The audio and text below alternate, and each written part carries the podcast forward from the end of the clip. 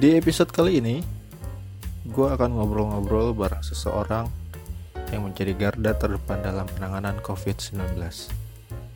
Dia adalah seorang perawat yang bekerja di salah satu rumah sakit yang menjadi rujukan untuk pasien COVID-19. Pada episode kali ini, kami akan banyak ngobrolin hal-hal yang menjadi keresahan tenaga medis dan banyak hal lain lagi yang mungkin banyak yang nggak diketahui sama masyarakat tentang pandemik ini yang nantinya akan kita lihat melalui sudut pandang perawat. Akan ada banyak hal yang bisa kita pelajari dalam obrolan kali ini. Kalau begitu, selamat mendengarkan.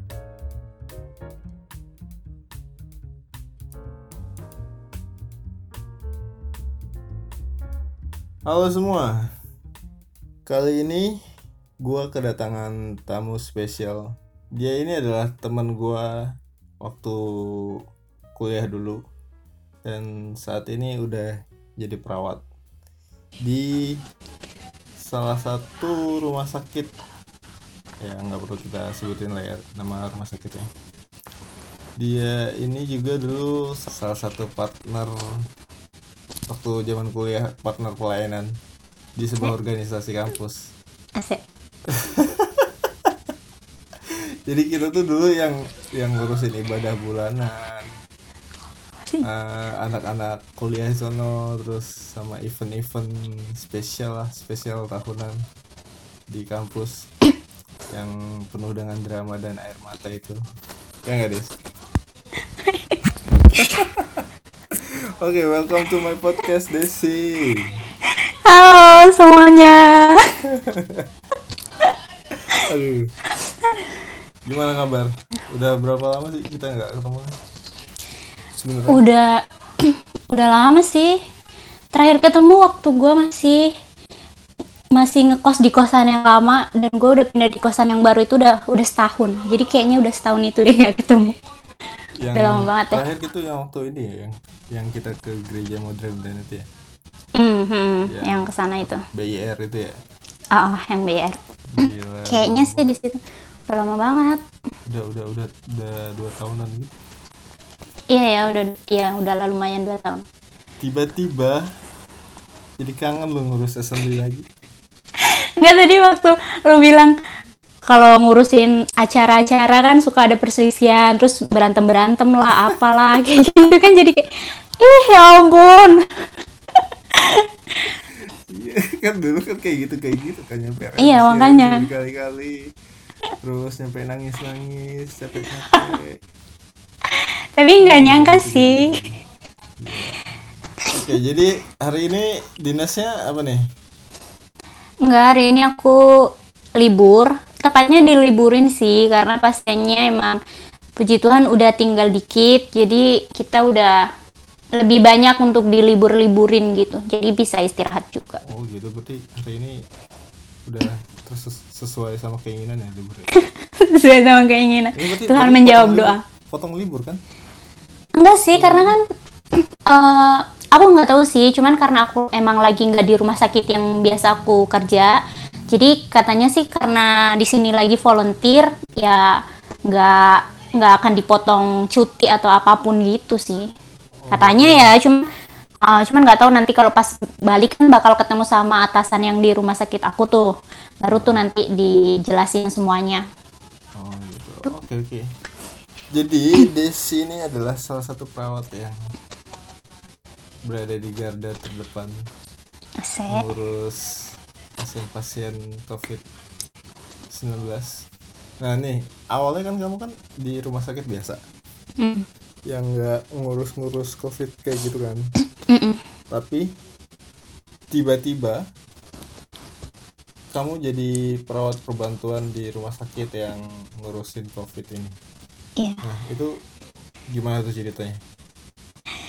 Jadi tuh emang bener sih awalnya tuh aku nggak nggak di rumah sakit yang ngurusin covid gitu karena kan memang dulu nggak ada kan maksudnya eh, kita ada udah dengar dengar covid tuh dari pas Wuhan itu kan di akhir tahun 2019 ya kalau nggak salah itu. Iya. terus kan di Indonesia emang belum ada nih gitu. Jadinya ya kita nggak akan nggak mikir sih bakalan bakalan sampai sekarang ada dan kayak gini gitu. Jadi waktu itu tuh awalnya kan ya di rumah sakit biasa di rumah sakit aku yang biasa ngurus pasien biasa gitu. Terus kayak uh, dari awal dari akhir Februari tuh sebenarnya aku udah banyak cuti sampai sampai awal Maret tuh aku udah banyak banyak cuti tuh. Nah di situ kan masih biasa aja tuh kayak kerja tuh juga masih biasa teman-teman juga merawat pasien juga yang pasti pasien-pasien sakit biasa aja gitu. Nah terus tiba-tiba yang tanggal uh, eh, 15 ya gue balik cuti habis itu tuh pas selama cuti tuh emang lihat teman-teman tuh kayak kerjanya tuh keras kerja keras banget lah sampai harus lembur-lembur segala macam gitu. Terus harus yang dinasnya harusnya dua malam jadi tiga malam yang harusnya nggak lembur udah, jadi lembur. udah mulai itu ada pasien-pasien yang positif gitu di rumah sakit? Belum belum. Tapi pas itu tuh pasien tuh lagi banyak-banyaknya gitu di di tempat aku. Tapi bukan pasien covid. Nah Maret itu kan aku udah pulang tuh dan aku udah mulai kerja nih. Harusnya hari pertama kerja setelah cuti. Terus harusnya aku masuk malam cuman siangnya tuh tiba-tiba di grup tuh ada pemberitahuan kayak semua yang uh, perawat. Nah kebetulan kan gue di ICU nih jadi teman oh, uh, apa ada pemberitahuan dari atasan. Mm, aku di ICU dari awal aku lulus langsung di ICU sampai sekarang. Hmm. terus kayak dikasih dikasih tahu di grup semua perawat ICU siang ini juga harus ke rumah sakit bawa barang-barang buat perlengkapan satu minggu karena kita akan dikarantina gitu. Serius? terus kayak kaget kan? Itu, itu, serius itu, serius banget. lagi, lagi lagi cuti. Itu gue udah pulang cuti itu tanggal oh, 16 uh -uh, itu tanggal 16 Maret hari pertama gue mau masuk kerja gitu dan gue tuh oh. masuk kerjanya kan jadwal malam kan itu. Yeah. nah siangnya tuh dapat info kayak gitu di grup grup grup ruangan aku gitu grup rumah sakit aku hmm. nah terus kayak kaget wah kenapa kenapa? gitu. Terus akhirnya ya udah pokoknya nggak usah nggak usah pada nanya kenapa gitu. Terus pokoknya dijelasin lah terus kayak uh, siapa yang pernah pegang pasien atas uh, pasien ini kayak gitu. Karena nah pasien ini nih emang dulu dicurigai lah kayak kayaknya nih tanda-tanda sakitnya tuh kayak tanda-tanda infeksi covid gitu loh. gitu. Uh, ada ke sana nah terus pasien itu tuh udah ada di tempat aku tuh udah sekitar dua mingguan gitulah kalau nggak salah tuh. Terus baru ketahuan. Jadinya kayak dihimbau untuk semua staff harus diisolasi. Karena takutnya kalau memang positif gitu kan jadi kita mau cegah dulu gitu. Terus akhirnya karena udah nggak nggak ngerti apa-apa segala macam terus ya udah semuanya aja gitu ke rumah sakit. Terus aku tuh sampai aku nelpon nih nelpon senior aku kan di situ gitu. Terus aku bilang kak emang iya kenapa gitu? Kenapa sih harus ke sana? segala macam terus aku ditelepon udah deh sih nggak apa-apa gitu dijelasin berapa berapa terus aku bilang aku tuh nggak tahu apa-apa sampai aku nangis. Aku nggak tahu apa-apa karena aku karena aku kan maksudnya aku cuti gitu loh kak. Terus posisinya tuh kan aku nggak tahu kan kondisi pasien gitu. Aku tahu pasiennya tuh banyak cuman aku nggak tahu kondisinya mereka tuh kayak gimana. Gitu kata kata kakak itu tuh kayak nggak apa-apa deh sih nggak usah nangis. Ya udah yang penting datang aja ya ke rumah sakit gitu. Udah panik-panik kan udah nangis udah sambil packing tuh sambil nangis bener-bener terus akhirnya ya udahlah singkat cerita dateng terus pas dateng tuh temen-temen tuh udah disuruh tes darah lah udah disuruh uh, apa namanya siap-siap buat di foto torak lah kayak nah, gitu-gitu Iya, swabnya belum, cuma disuruh oh, tes darah doang, belum. Terus abis itu dipanggil lah aku sama kepala ruangan, terus dibilang katanya e, kamu pernah pegang pasien ini enggak? Karena yang dicurigai itu tadi. Terus kataku pernah sih dua kali cuman cuman bantu doang gitu bantu bantu bantu mandiin lah bantu ambil darah segala macam cuman nggak yang pegang. Oh iya yeah, nggak pegang mm -mm. nggak langsung gitu. Mm -mm. terus kata ibu terus habis itu kan aku uh, cuti. Aku bilang sama kepala ruanganku habis itu aku cuti bu. Jadi aku nggak pernah pegang. Terus kata ibu ya udah karena kamu nggak pernah pegang jadi kamu isolasi di rumah aja gitu. Jadi kamu nggak usah ikut isolasi sama teman-teman gitu. Terus habis itu nanti kamu dinasnya untuk sementara nggak usah dinas dulu di ICU gitu kan. Sebenarnya sih dalam hati aku seneng ya maksudnya karena aku disuruh isolasi di rumah gitu kan. Iya dong maksudnya. Nah itu dia. Sebenarnya aku seneng karena cuti lagi. isolasi. Enggak sih tapi ini aku nggak seneng sih kan untuk untuk masalah kerja awalnya tuh kayak ya aku isolasi di rumah ya seharusnya sih seneng ya. Cuman aku jujur aja gitu waktu itu aku sedih sih. Karena pertama aku tuh udah udah cuti tuh dari awal dari pertang dari rah, apa akhir Februari. Terus aku awal Maret aku datang aku cuma dinas dua atau tiga hari gitu. Terus habis itu aku cuti lagi sampai tanggal 15 Maret. Jadi udah banyak kan cutiku. Terus kayak aku tuh. Iya, karena emang ada acara gitu, jadi aku banyak cuti. Terus habis itu tuh aku ngeliat teman-temanku yang kerja banget, dinas yang harus lembur-lembur. Jadi kayak aku ngerasa bah, ya ampun kasihan banget lah teman-temanku udah berjuang, terus aku cuti-cuti gitu. Terus kayak pas cuti itu aku juga udah komitmen gitu. Ya udahlah nanti pas pulang cuti aku mau uh, gantian gitu loh. Kalau aku disuruh lembur, disuruh apa ya udah ikut aja gitu. Soalnya kasihan kan teman-teman udah berjuang duluan. Gitu. Kayak banget kan gua. terus habis itu kayak udah bu nggak apa-apa. Sebenarnya mah aku diisolasi di sini sama teman-teman juga nggak apa-apa gitu. Tapi kata ibu nggak usah kamu pulang aja gitu. Terus akhirnya ya udah diskusi juga sama dokter yang penanggung jawab ICU-nya katanya ya udah deh sih pulang aja isolasi di rumah. Nggak usah dinas dulu gitu kan. Ya udah akhirnya aku pulang kan. Nah pas pulang itu singkat cerita aku tuh udah nggak tahan nih di rumah. Dua hari aku diliburin tuh aku udah nggak tahan. Terus akhirnya aku bilang lah sama kepala ruanganku bu saya mau kerja aja gitu. Soalnya saya nggak apa-apa deh gitu. Saya nggak apa-apa deh jaga di isolasi gitu. Saya jaga di ICU saya nggak apa-apa gitu. Atau enggak kan kebetulan waktu itu juga udah mulai didiriin tenda kan sebenarnya tenda-tenda buat screening covid. Oh iya oke. Nah dari dari mulai itu tuh kayak di rumah sakit aku tuh kayak udah mulai apa ya ketat gitu loh Eh, screeningnya tuh udah mulai ketat dari pasien masuk dari eh, staff Oh, dari Pasien masuk itu pertama masuk ke tenda itu dulu ya berarti ya. Ah, ah, kan di IGD dulu di IGD dulu gitu gitu kan terus nanti kalau keluhannya apa Heeh, jadi kalau dicurigai dia COVID, dia akan diarahkan ke tenda. Tapi kalau dicurigai bukan COVID dari tanda-tandanya, jadinya ya udah boleh naik kayak gitu ke IGD. Nanti kalau butuh ruangan ya ke ruangan, butuh ICU ke ICU kayak gitu loh. Ya udah, terus aku juga bilang sama ibu, saya jaga di tenda juga nggak apa-apa gitu. Terus nggak di itu dong, nggak direspon sama sama sama apa kepala ruanganku nggak direspon. Cuman diri Terus akhirnya, terus akhirnya singkat cerita aku boleh dinas tuh.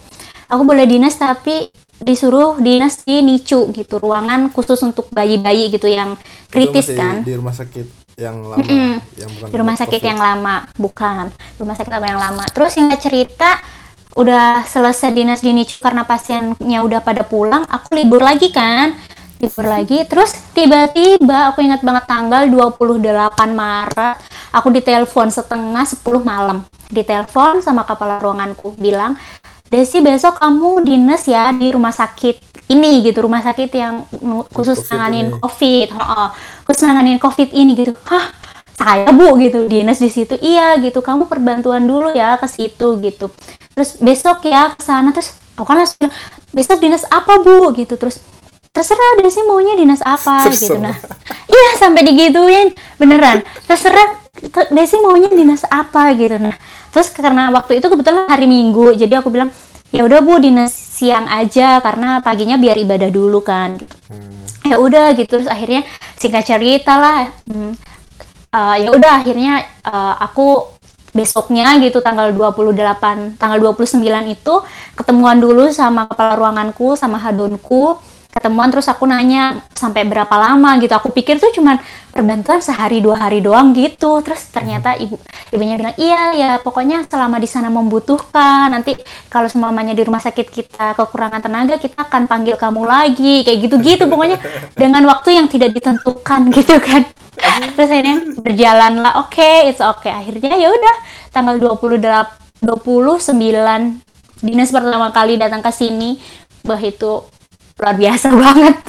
Ternyata kayak gitu Yang dari ruangan kamu itu cuman kamu doang atau ada teman lagi yang lain?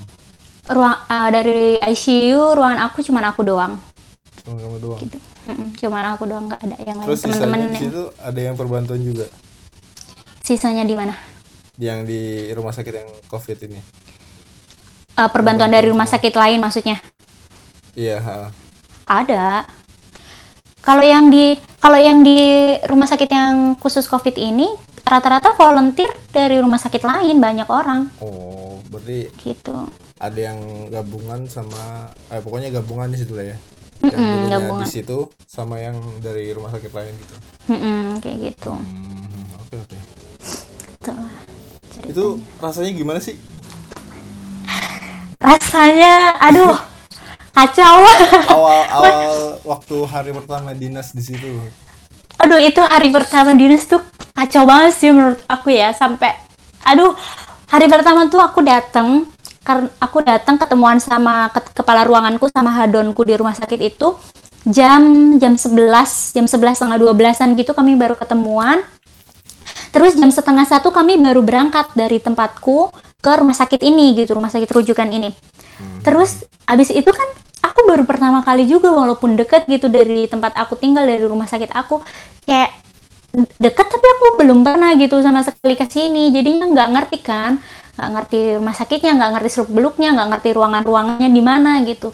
Akhirnya setengah satu nyampe sini dianterin dulu lah sama salah satu teman kita juga angkatan kita yang dinas di sini. Dianterin buat tur dulu tur ruangan cuman sebentar doang. Terus diajarin pakai APD karena itu pertama kalinya aku pakai APD pertama kali bener. Oh ya oke jadi nggak ngerti pakai APD itu gimana gitu. Jadi diajarin dulu. Terus harusnya kan jam satu nih masuk ruangan. Aku masuk ruangan itu jam setengah dua. Udah telat setengah jam. Habis Karena- itu pas karena ngapain tuh? Tur Karena- tur. Karena tur karena baru nyampe rumah sakit itu setengah satu terus aku harus eh, di- masih cariin dicariin kamar dulu buat naruh barang-barang oh, oh, orientasi dulu lah segala macam muter-muter. Ya udah setengah dua masuk ke ruangan. Pas aku masuk ke ruangan itu ruangan udah berasa kayak pasar. Bener-bener. Serius ya ampun gimana? itu maksudnya udah udah banyak pasiennya Itu gitu atau gimana? Banyak banget banyak banget pasiennya? Pasiennya? coy Mm-mm.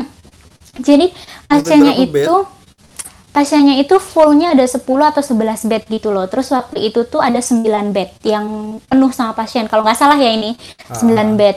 Nah terus 9 itu tuh rata-rata pasiennya itu terintubasi terpasang ventilator gitu loh alat bantu nafas. Jadi bukan pasien yang sadar.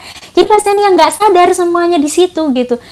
Semuanya pakai ventilator pakai alat bantu nafas semuanya nggak sadar terus itu ruangan baru aku baru pertama kali lihat ruangan itu dengan teman-teman yang baru dan aku nggak kenal siapa mereka karena kan mereka pakai APD kan. iya nggak Hmm, jadi nggak kelihatan itu siapa tapi ini kan siapa. ditulisin nama-nama namanya siapa Awal- di APD itu kan?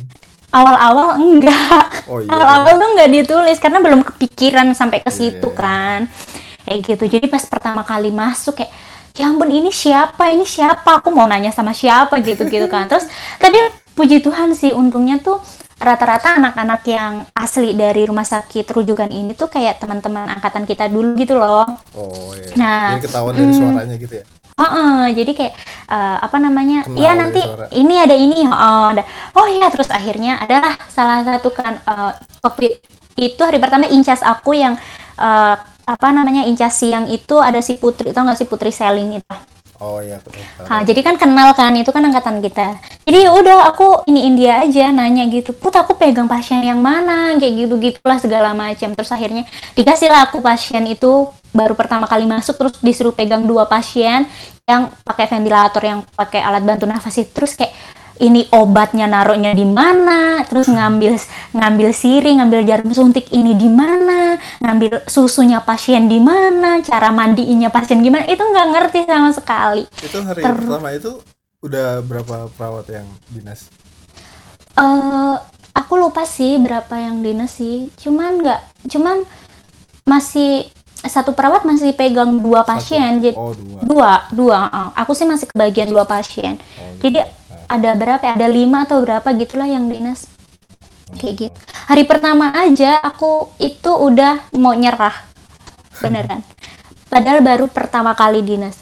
Karena aku hari itu hari pertama, terus pertama kali aku pakai APD, terus pertama kali aku kerja pakai masker yang ketutup banget, aku nggak bisa napas, terus ke, badan ketutup semua, terus pakai sepatu boot yang yang apa namanya beratnya banget banget, buat jalan aja berat, terus rumah sakit baru, ruangan baru, orang-orang baru, aku nggak kenal sama mereka. Aku tuh sampai pas dinas itu ya udah ba- baru jam berapa? Jam 3an atau jam setengah empat tuh aku udah dalam aku tuh udah sakit banget kepala gitu sakit kepala karena riwah banget gitu loh. Pasiennya Itu kan nggak- berhenti-berhenti stabil. Mm-mm, dari awal dinas sampai selesai iya nggak ada berhentinya kayak ada aja kerjaan ada aja terus nggak kelar kelar gitu loh. Karena nggak ngerti alur kan kayak gitu. Terus kayak pasiennya tuh maksudnya kondisinya yang kondisi nggak bagus gitu. Nah udahlah pokoknya jam 4 itu aku udah sakit kepala aku udah dalam hati itu aku udah bilang gini pokoknya aku selesai dinas ini aku mau telepon kepala ruanganku aku mau bilang ibu saya nggak mau dinas di sini saya mau dinas di rumah aja gitu. Serius? aku udah nggak serius sumpah sumpah aku tuh kayak gitu tuh karena udah udah nggak kuat karena kayak aduh nggak nggak bisa nih aku dinas kayak gini gitu. Maksudnya Gila, gila. pokoknya aduh gila lah dari akunya sendiri. Nafas tuh kayak dari aku nafas aja karena pakai masker berlapis-lapis dan ditutup cuman kelihatan mata doang gitu. Jadi kayak ngap banget. Aku nggak bisa makan nggak bisa minum nggak bisa napas gitu. Tapi kayak aduh nggak kuat. Enggak lah istirahat Nggak. gimana? Ah, enggak masa sih? Nggak. Serius. Nggak nggak nggak nggak bisa minum? Oh iya nggak bisa minum ya? Nggak bisa lah mau gimana Oh, mau iya, minum? Heeh, nggak bisa. Ya, pokoknya nggak- kalau udah masuk ke nggak dalam bisa ya? nggak bisa. Berarti selama berapa jam? 8 jam ya? Iya tujuh sampai delapan. 8 enam jam sampai itu? kalian nggak makan nggak minum nggak kencing nggak kamar mandi gitu berarti Waduh. Jadi kalau kalau aku dinas pagi sama dinas siang, aku bisa untuk nahan nahan pipis gitu loh. Maksudnya mau nggak nggak kencing kayak gitu, aku bisa nahan. Cuman kalau aku dinas malam, kan dinas malam lebih panjang kan waktunya 12 Nah, jam iya, yang dinas. itu Nah, tuh? hmm, itu aku aku nggak kuat kalau untuk dinas malam. Jadi aku pertama kali dinas malam itu aku jam 12 malam aku keluar, aku lepas semua APD aku, terus aku keluar ke toilet gitu karena nggak udah nggak sanggup masih jam 12 Terus malam lagi? terus Ha-ha, terus makai lagi. Nah, sebenarnya itu tuh nggak bagus. Nah, ke- waktu awal-awal kan memang kami APD kan kayak masih kurang gitu kan. Jadinya nggak kalau kita keluar kita nggak ganti APD baru, jadi tetap pakai APD kita yang lama. Gitu. Nah, itu kan sebenarnya yang nggak bagus kayak gitu kan kalau kita lepas pasang APD kan. Cuman ya mau gimana lagi kalau udah nggak tahan gitu. Sampai ada juga teman aku yang akhirnya karena benar-benar nggak tahan, kita kalau dinas malam itu pakai pampers. Jadi perawatnya pakai beneran pampers. pakai pampers itu ya Serius? Iya. Jadi pakai pampers. Karena nggak nggak kuat. kamu kamu sendiri pernah Nggak pernah sih. Teman-teman aku yang pernah. Eh aku juga nggak tahu ya. Tapi kata mereka sih kayak ya emang nggak enak sih. Ya cuman mau gimana gitu kan. Maksudnya daripada bongkar pasang APD lebih bahaya. Jadi mendingan pakai pampers aja. Nggak nyaman cuman ya udah gitu lebih baik kayak Iya gitu sih. gitu. Nah, kali salah satu- Cuman aku juga belum pernah. Nggak ngebayangin gitu. berarti sebelum dinas itu kalian ngakalinya buat makan yang banyak sama minum yang banyak gitu eh nggak boleh minum ya nanti kencing kencing Nah, mm, itu tuh yang dilemanya tuh di situ ya mau ma- Harus mau makan yang minum yang banyak. Kalau makan sih harus makan sih. Tapi biasanya sih kita kalau makan yang banyak tuh malah habis dinas. Kayak orang habis dinas tuh Oh, kayak iya. benar-benar kayak orang kelaparan gitu. Kayak udah nggak makan banget, seminggu. serius. Iya, beneran. Aduh, kalau udah pulang dinas, hmm, pulang dinas kan kita ngantri mandi tuh. Kalau belum mandi kan kadang nggak nggak boleh makan dulu kan. Tapi kadang kita juga bandel-bandel jadi makan dulu. Jadi kayak ngantri mandi, pas udah selesai Karena- mandi baru kita makan gitu. karena langsung tinggalnya di rumah sakit itu ya Mm-mm, tinggal di rumah Disediain. sakit. Mm-mm, disediain sih ada mesnya gitu. Jadi emang di sini kalau semuanya udah habis dinas, pokoknya langsung mandi gitu, langsung mandi di ICU itu di ruangan. Jadi nanti kita naik ke asrama, kita udah udah bersih gitu loh. Jadi kita nggak bawa virus ke mana-mana. Makanya kita selesainya lama. untuk pakaian kalian sendiri cucinya itu laundry dari yang udah disediain rumah sakit atau cuci sendiri eh, maksudnya cuci pakaian pribadi atau Iya, pakaian dinas? pri- pakaian pribadi Oh, semuanya udah ada sih dari rumah sakit. ada Kayak- gitu ya Ada, ah, eh, kita nyuci sendiri tapi disediain mesin cuci. oh Pokoknya semuanya Kayak tuh udah tersulap. ya gitu ya Oh, kayak di asrama lah, semuanya ada. Cuman dapur aja bedanya nggak ada di sini. nggak ada kompor. berarti makanan selama ini beli-beli terus berarti ya Atau ada disediain sih. oh, di sini. Disediain ada, cuman kan kadang kalau ada yang mau GrabFood juga bisa. Terserah masing-masing. berarti cukup hemat juga berarti ya kalau tinggal di situ ya makan disediain laundry disediain tergantung orangnya juga sih. Kalau orangnya barbar suka makan ya nggak akan hemat juga karena nggak akan cukup satu porsi. ya pasti jajan jajan jajan aja Nah, eh, dari awal masuk dinas di situ sampai sekarang udah berapa lama?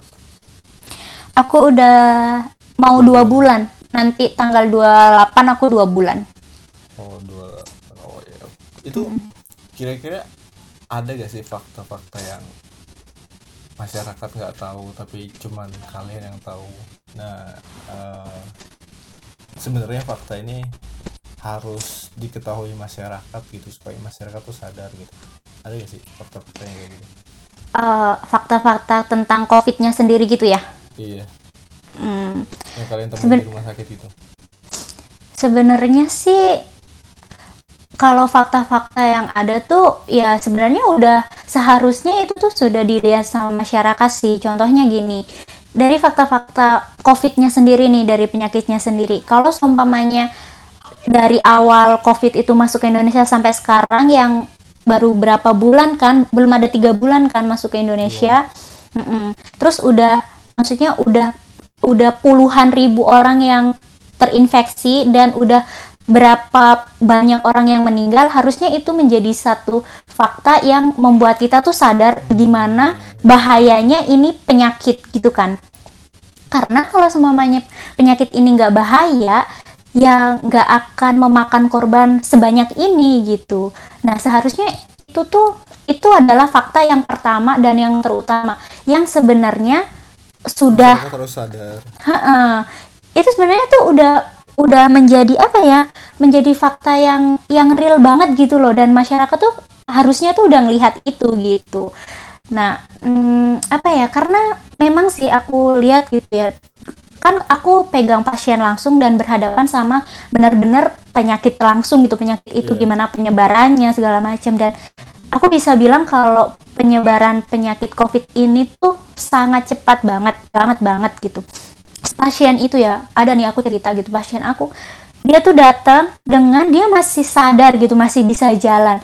Dia waktu di foto foto ronsen gitu itu memang paru-parunya udah udah jelek udah perburukan gitu lah ada tanda-tanda covid. Tapi pasiennya masih sadar gitu. Nah beberapa hari kemudian itu udah sesek banget dan seluruh paru-parunya kan ya gambarannya kalau paru-paru normal itu gambarnya kalau di CT eh kalau di torak. Mm-mm, kalau di ronsen itu gambarnya hitam gitu ya kalau dia terinfeksi atau ada cairan atau ada udara bebas pokoknya yang terinfeksi paru-paru itu gambarnya akan putih gitu. Nah pa- pasien-pasien yang pertama kali datang mungkin gambaran yang putih itu cuma sebelah kiri aja atau sebelah kanan aja gitu. Tapi dalam selang waktu nggak ada lah minggu gitu beberapa hari dua hari tiga hari itu tuh bisa perburukan secepat itu dan paru-parunya itu benar-benar udah putih total gitu loh dan itu tandanya kalau paru-paru udah putih total ya pasiennya bakalan sesek pasiennya bakal kurang oksigen dan akhirnya yang terjadi ya pasiennya bakal dipasang eh, ventilator selang bantu nafas gitu Nah, itu tuh sampai sampai se, secepat itu gitu. Bahkan ada pasien kami juga yang udah dipasang ventilator, pasiennya udah mulai sadar gitu. Diajak ngobrol nih paginya, diajak ngobrol masih bisa, masih kontak. Walaupun kadang eh, kalau mau buka mata harus kita panggil dulu, Pak coba buka matanya gitu, coba angkat tangannya kayak gitu baru berespon. Cuman masih ada respon kan. Nah giliran sore itu pagi kita kaji masih ada sore kita kaji, bapaknya udah nggak sadar sama sekali gitu. Dan akhirnya ya ya ya udah gitu. Maksudnya lewat segala macam kayak gitu. Nah itu tuh kayak secepat itu gitu loh penyebaran penyakit itu gitu. Dan covid ini tuh nggak cuma nyerang satu organ doang nggak cuma nyerang di paru-paru doang cuman kalau udah masuk dia akan nyebar gitu nyerang ke seluruh organ tubuh kita gitu itu bisa kena gitu Oh, dia- dia Ha-ha. tuh kayak, kan- kayak kanker gitu ya, bisa metastase ke mana-mana gitu ya Eh, Iya sih, ya, ya mungkin bisa dibilang gitu ya. Cuman kayak eh, gimana ya? Pokoknya dia bisa berpengaruh ke organ-organ yang lain juga gitu loh.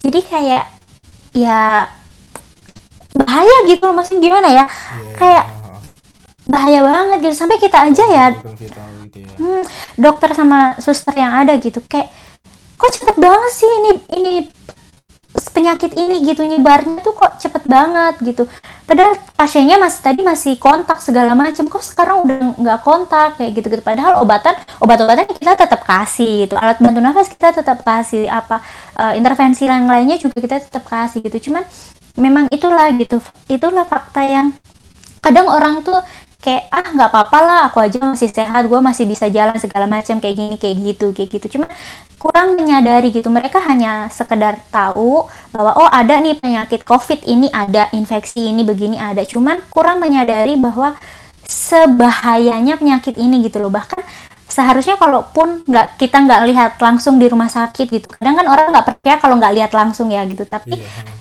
Walaupun nggak lihat langsung di rumah sakit kayak gimana penyebarannya cuman cobalah melihat uh, fakta yang ada sekarang ini gitu loh. Dari uh, apa namanya berapa jumlah yang terkena berapa jumlah yang meninggal perharinya tuh berapa data-data gitu kan.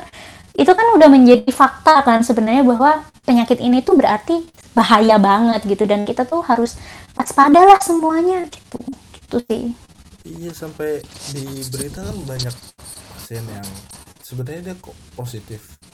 Cuman dia nggak mau dibawa ke rumah sakit sampai akhirnya dia kayak nakut-nakutin orang di sekitarnya itu buat meluk-meluk gitu. Oh iya. Gak sih ya berita-berita kayak gitu? Apa sih?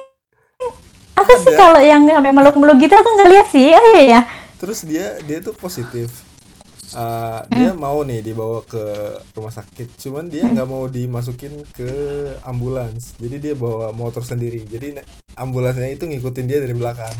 Oh astaga tuh. Ada kayak gitu. Oh iya. jadi nggak tahu lah masyarakat. Mungkin karena Kenapa stigmanya ya? itu masih masih jelek kali ya. Iya sih. Pasien eh, untuk korban yang kena corona ini Iya, aku juga ngeliat gitu sih. Mungkin karena ya persep takut sama persepsi-persepsi orang lah kan sekarang ini dipandangnya masih masih jelek lah ya. Iya, karena kan ya sebenarnya kasus ini kan nggak apa-apa eh maksudnya kena tapi masih ada kesempatan harapan buat hidup gitu kan. Iya. Bahkan mortality rate-nya aja cuma berapa sih kemarin gitu. Iya, iya seharusnya nggak buat sembuh iya. buat hidup lagi gitu ngomong-ngomong soal masyarakat masih belum sadar tentang bahaya penyakit ini hmm. uh, kamu udah update belum yang di pasar di mall hmm. udah hmm. banyak orang-orang yang datang buat yeah. baju lebaran nah itu aduh sumpah itu gimana sih itu maksudnya nah, ada aku juga gimana tuh Aduh, aku juga pusing sih lihat itu sumpah. Bahkan ya hari ini, hari ini udah update belum kasus terbaru? Hari ini aja udah kasus rekor tertinggi loh, sampai 900 berapa? Pokoknya 900 lebih. Loh. Iya. Hari ini meningkat banget sih, aku juga lihat. Iya, itu. hampir seribu. Hampir seribu. set dah. Makanya aku ngeliat itu tuh juga kayak, ya ampun, yang kemarin-kemarin kan masih meningkatnya 200 gitu-gitulah ya. Maksudnya oh udah ada penurunan puji Tuhan lah segala iya, macam iya, kayak gitu. udah mulai kayak melandai gitu kan? Iya ho, -ho. nah terus ya ini aku juga gimana ya ngelihat yang di pasar di mall di mana-mana di bandara segala macam orang sampai berdempet-dempet. Kayak gimana? Aku juga bingung sih maksudnya gemes gitu loh. Gemes gitu sama mereka. Kesel sih ya. tapi kita nggak bisa ngelakuin apa-apa. Bener sih. Aku juga sih maksudnya kayak kayak kesel sama teman-teman juga kan kalau ada update atau apa pun gitu kan kita sering sharing karena kita di asrama gitu jadi emang deket gitu satu sama lain. Terus kayak sharing gitu terus kayak kalau ada yang kita lihat berita kayak gitu lihat deh ini di mall udah dibuka mall sini gitu. Ya ada orangnya ada astaga ini mau ngapain sih? Gitu maksudnya orang-orang mau ngapain? Gitu itu banyak kan mereka yang datang ke mall itu buat beli baju lebaran pada ngabuburit. Mereka tuh nggak mikir apa? Gue besok bisa makan apa dari duit yang gue punya hari ini? Bukan. Maksudnya lu bisa makan baju lebaran? Bisa. Astaga. Ya sih. Aku tuh juga gitu. Aku juga aku juga sih sampai sampai gimana ya kayak sebenarnya tuh apa sih yang dipikirin gitu loh. Aku juga bingung sih. Ya mungkin aku tadi itu sempat sempat sore tadi gitu sempat teleponan juga sama ibuku. Ibuku di Lampung gitu terus kayak sempat teleponan gitu. Terus aku juga nanya kan maksudnya bu di situ lebaran mau mau lebaran gimana gitu? Orang-orangnya rame enggak? Terus pasar gitu ibu ke pasar enggak gimana? Aku kan nanya gitu kan. Maksudnya aku nggak mau gitu kalau ternyata ibuku juga ikut-ikutan kayak gitu kan. aduh terus aku terus ibu bilang iya sih ke pasar cuman ibuku ke pasarnya tuh pas maksudnya kalau di tempat aku kan masih ada hari-hari hari-hari ke pasar kan. Maksudnya pasarnya nggak tiap hari gitu. Oh, ke pasarnya oke. Cuman seringan. Nah jadi ibuku tuh ke pasarnya pas bukan hari pasar itu. Jadinya memang nggak begitu rame orangnya gitu. Jadi menghindari itu gitu. Terus kayak cerita-cerita kan ibuku juga ngelihat di berita gitu. Iya itu kan yang di kota-kota udah dibuka mallnya pada datang kayak gitu segala macam. Terus ibuku aja juga sampai heran gitu loh. Maksud kata ibuku ya ya mau mau mereka tuh emang nggak takut apa ya? Maksudnya pemikirannya tuh gimana gitu? Terus ya mereka ke situ tuh mau nyiapin buat lebaran iya kayak gitu mau beli baju gitu. Tapi cuman ya mau ngapain tuh toh lebaran juga nggak bisa ke mana-mana ya kata ibuku tuh kayak gitu tuh lebaran juga nggak ke mana-mana beli baju juga bisa nanti gitu loh. Nggak usah nggak usah pas lebaran ini juga nggak apa-apa gitu. Cuman ibuku juga punya satu statement tuh yang kayak bilang ya karena inilah orang Indonesia itu hidup dalam tradisi gitu loh. Jadi tradisinya dari tahun ke tahun kayak gimana ya itu yang akan turun temurun gitu di- ya kan? Jadi kayak turun temurun akan diikutin gitu. Apa namanya? Tradisi itu dari dari tahun ke tahun. Jadinya kalau setiap corona gitu ya. Hmm, pokoknya kan dari tahun ke tahun kalau semuanya mau lebaran ya kita nggak nyalahin sih. Itu kan hari raya gitu kan. Maksudnya ya mungkin ada yang mau beli baju baru segala macam siapin gitu. Itu nggak masalah sih. Nah tapi kan itu kan kayak satu tradisi kan kalau kalau lebaran gitu. Contohnya di kampung aku sendiri lah gitu. Kalau mau lebaran orang-orang pada beliin baju baru buat anak-anaknya segala macam bonong-bonong ke pasar kayak gitu gitu nah itu kan dari tahun ke tahun selalu dilakukan begitu. Nah, tahun ini mereka juga melakukan hal itu karena itu udah menjadi tradisinya mereka. Cuman salahnya adalah ngelakuin tradisi itu nggak salah.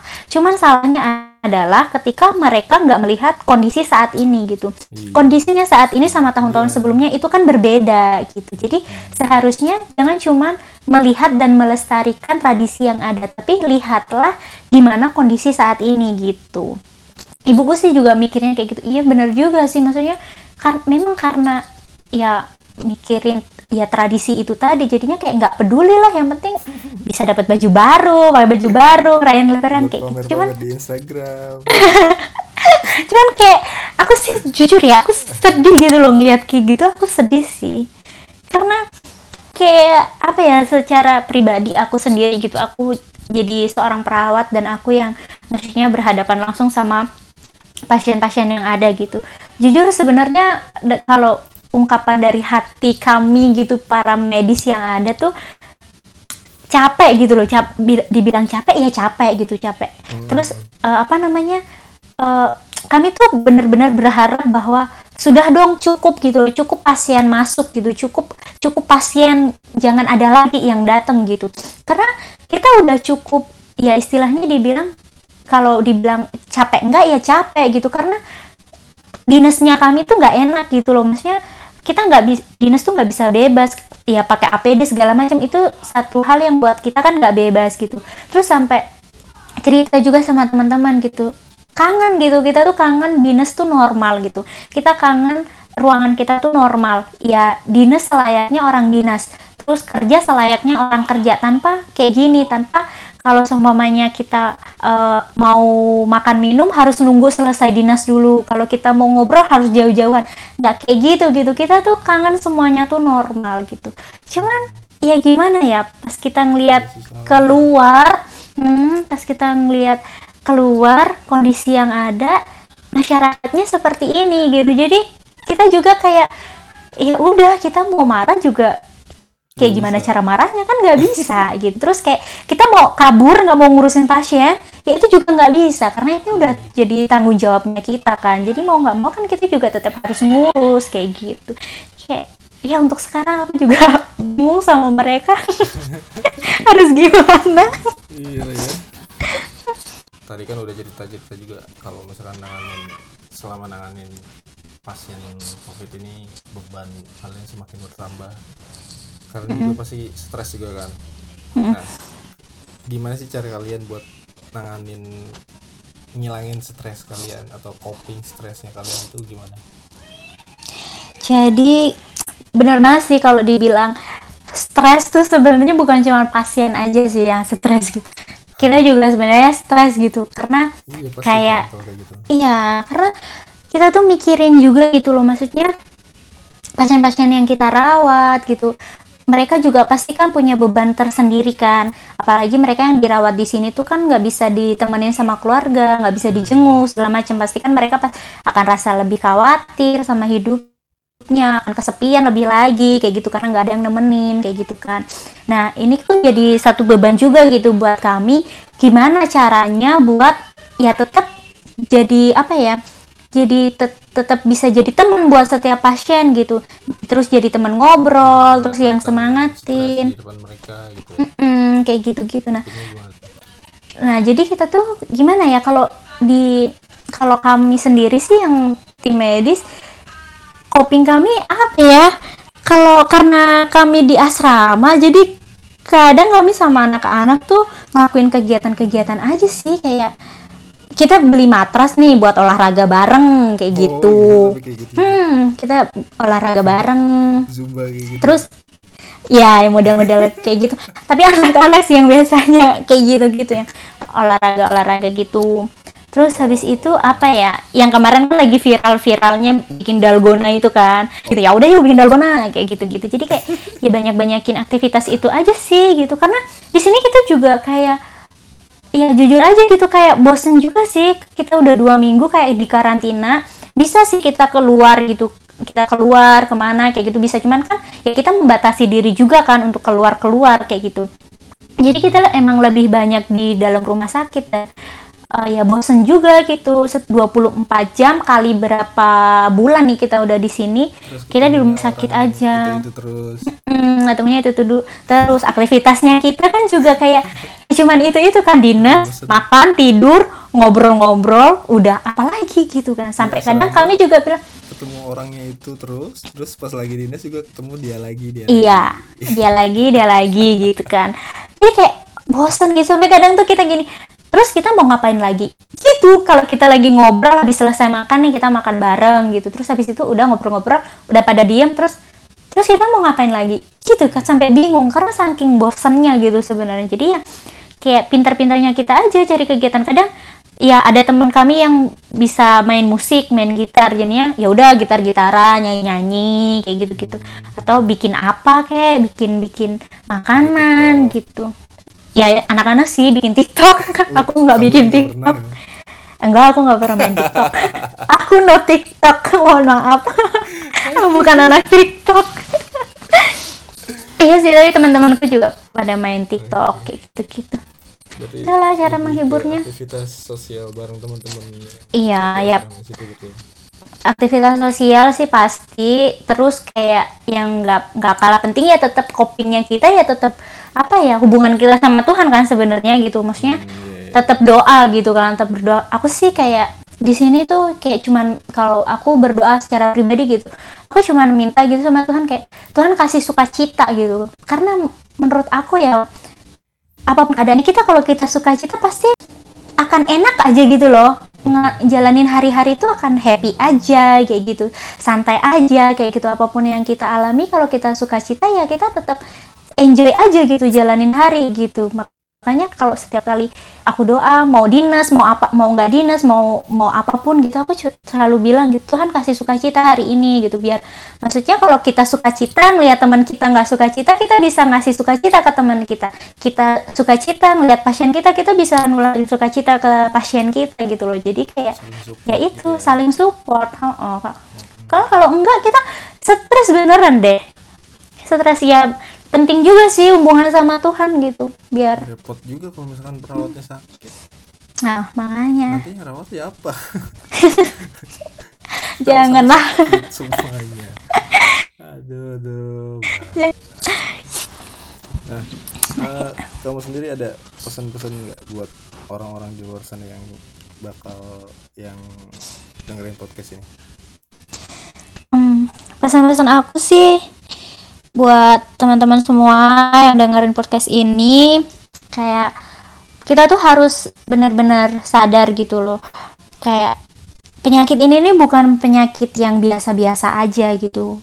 Virus ini kalau semuanya udah uh, dibilang satu pandemik berarti itu tuh udah satu wabah yang besar gitu dan udah bisa dibilang bahaya. Karena kita bisa lihat gitu faktanya di luar sana berapa banyak orang yang sudah meninggal berapa banyak orang yang masih terinfeksi dan masih berjuang buat sembuh gitu. Ya itu menandakan bahwa penyakit ini tuh emang bahaya banget. Siapa pun bisa bisa terserang penyakit ini. Nggak anak kecil nggak orang tua nggak siapa pun nggak cewek nggak cowok. Itu bisa aja terkena penyakit ini gitu. jadi aku cuma mau pesan sama sih pesannya kayak ya mungkin yang udah sering kali ya himbauan dari pemerintah kayak gitu dari tim medis yang ada. Sama-sama lah kita jaga kesehatan gitu. Yang bisa nyegah virus itu untuk nggak masuk dalam diri kita itu diri kita sendiri. Jadi kita harus lebih aware sama diri kita sendiri untuk kita jaga kesehatan. Kalau memang nggak perlu-perlu banget buat keluar please banget sama teman-teman semua. Nggak usah keluar-keluar dulu nggak usah ke mana-mana dulu. Pokoknya di rumah aja dulu gitu. Karena kalau aku punya prinsip kayak gini aku tuh menganggap diri aku sudah terinfeksi. Makanya aku nggak mau keluar. Jadi kasihan mereka yang nggak tahu apa-apa, terus mereka terinfeksi dari aku. Atau aku menganggap diriku adalah orang yang tidak terinfeksi. Dan karena aku tidak terinfeksi, aku bersih, maka aku akan membatasi diriku juga untuk keluar dan bertemu sama orang. Karena aku nggak tahu orang yang aku temui itu bawa virus atau enggak terus kalau aku keluar yang di luar itu aku nggak tahu bersih atau enggak udaranya kayak gimana orang-orangnya kayak gimana. Jadi biar aku nggak terinfeksi oleh mereka ya aku akan membatasi diriku untuk nggak keluar gitu. Jadi kita perlu punya punya mindset yang begitu gitu. Anggaplah diri kita sudah terinfeksi dan anggaplah diri kamu kalau kamu nggak mau menganggap dirimu sudah terinfeksi ya anggaplah dirimu tidak terinfeksi. Jadi kita bisa sama-sama jaga gitu. Tapi kalau memang pun harus keluar ya tetaplah pakailah masker terus social distancing tetaplah harus tetap dilakukan. Cuci tangan rajin-rajin. Terus hmm, jaga kebersihan tetap makan yang sehat. Olahraga lah bila perlu ya kan karena kita udah sering apa ya banyak rebahan. waktu banyak rebahan banyak waktu buat nganggur. Jadi pakailah waktu itu buat olahraga buat berjemur tuh bagus banget sih sebenarnya gitu. Jadi ya itu sih pesan aku. Maksudnya kita sama-sama jaga gitu biar kita sehat tubuh orang di sekeliling kita sehat Indonesia sehat gitu. Tapi semuanya kan kangen kan Indonesia. Maksudnya Indonesia pulih Indonesia sembuh hmm. gitu. Kita semua bisa keluar lagi. Iya kan? Kita kangen banget. Aku juga kangen banget gitu. Pengen jalan-jalan lagi pengen ketemu sama teman-teman lagi ya udah gitu. Jadi ya sama-sama lah yang yang bisa menghentikan virus ini sebenarnya kita gitu. Kita sendiri. Tapi kalau kitanya nggak aware ya gimana kita mau menghentikan virus ini gitu. Jadi sama-sama lah kita teman-teman semuanya. Oke oke gila. Udah udah udah kangen banget nih sumpah nih jalan-jalan. Sumpah kangen banget. Sebenarnya dari sebelum sebelum tahun 2020 ini aku udah ngerencanain mau ke mana-kemana eh ternyata. Iya ya. Eh aku juga tahu. Aku juga. Aku juga ngelis tuh di buku aku beneran serius. Aku ngelis itu pun yang aku buat ngelis tuh aku kan punya satu buku catatan buat nulis khotbah gitu kan kalau ke gereja gitu aku tulis khotbah terus aku tulis tuh di situ tuh di agendanya gitu. Aku mau ke sini ke sini ke sini. Terus aku udah checklistin yang udah ya Tuhan ternyata aku harus terkurung di sini sekarang. Aku bisa ke mana-mana. Tuhan berkata lain. Ah, Tuhan.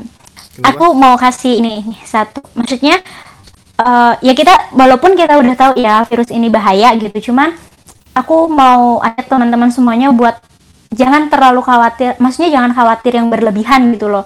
Jadi kita tahu virusnya itu bahaya cuman jangan langsung parno lebih-lebih jangan langsung khawatir lebih-lebih gitu. Uh, apa kita, kita tetap jaga aja gitu jaga diri kita tapi jangan khawatir yang berlebihan.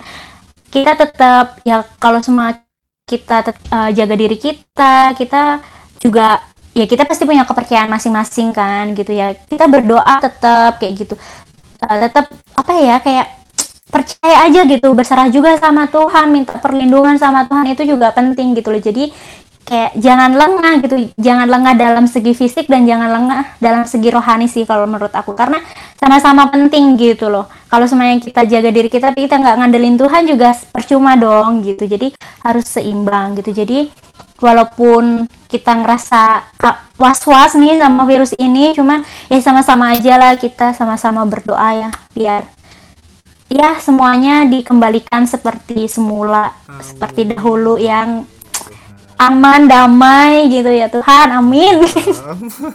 Damai tentram Tuhan gitu. Gitu sih. Dari aku ada lagi? Udah sih gitu aja oke oke oke oke thank you buat waktunya Desi thank you thank you banget udah diajak sama-sama sharing di sini sharing-sharingnya semoga orang-orang yang dengar semua ini bisa pikirannya bisa terbuka dan matanya dicelikan Amin. Jangan ke mall lagi, Iya. Yeah. duit bantuan dari pemerintah buat beli baju. Aduh lucu banget sih. Udah beli kalau mau beli baju, beli baju online aja. Cukup ah, pegang itu, HP, datang tuh baju. gitu. Hmm, cuman di rumah datang udah. Lebih aman okay, tuh. Desi, thank you buat uh, waktunya. Thank you Daniel. Yuk, thank you, thank you. Di sini ya.